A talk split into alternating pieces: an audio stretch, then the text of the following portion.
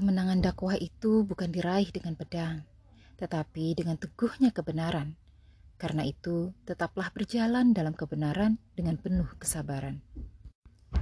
Para pejuang menghunuskan pedang bukan karena kebencian, melainkan ketaatan saat kebenaran dinistakan.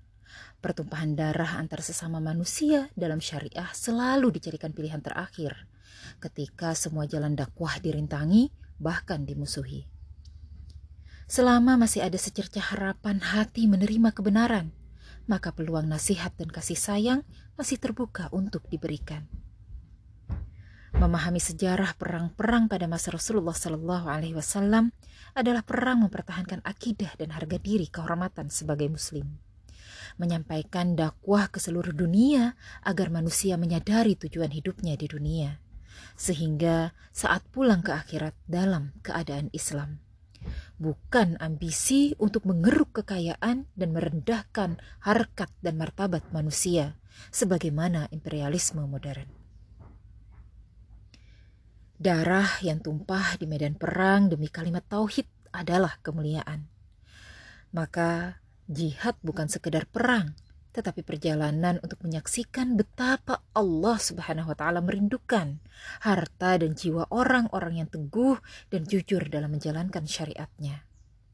Karena itu, jihad bukan sekedar adu senjata, melainkan bukti ketauhidan dan yang utama atas dorongan untuk meraih pahala syahid di sisi Allah. Kekuatan utama mereka yang berjuang di jalan Allah bukanlah karena banyaknya pasukan atau canggihnya persenjataan, melainkan melainkan keikhlasan dan kejujuran. Jika seseorang jujur kepada Allah Subhanahu wa taala dan ikhlas dalam upaya menegakkan agama, otomatis ia jujur dalam segala hal. Ia tidak hanya jujur dalam perbuatan, perkataan, jihad dan dakwahnya Bahkan pedang atau senjata yang dipegangnya akan berlaku jujur pula. Dalam sirah Ibnu Hisham disebutkan saat Rasulullah Shallallahu Alaihi Wasallam tiba dari perang Uhud, beliau meminta putrinya Fatimah radhiyallahu anha untuk membersihkan pedangnya seraya berkata, Bersihkanlah darah di pedang ini, hai putriku. Demi Allah, pedang ini jujur kepadaku di perang Uhud pun pesan beliau kepada Ali bin Abi Thalib, jika engkau jujur ketika perang, Sahal bin Hunaib dan Abu Dujanah pun jujur sepertimu. Pedang itu jujur tergantung kejujuran para pemiliknya.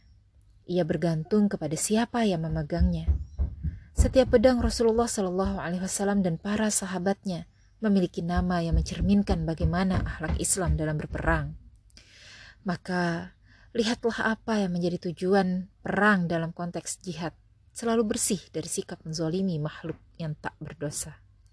Tidak ada tebasan pedang pada orang-orang yang tidak berdosa, anak-anak, dan wanita dijaga.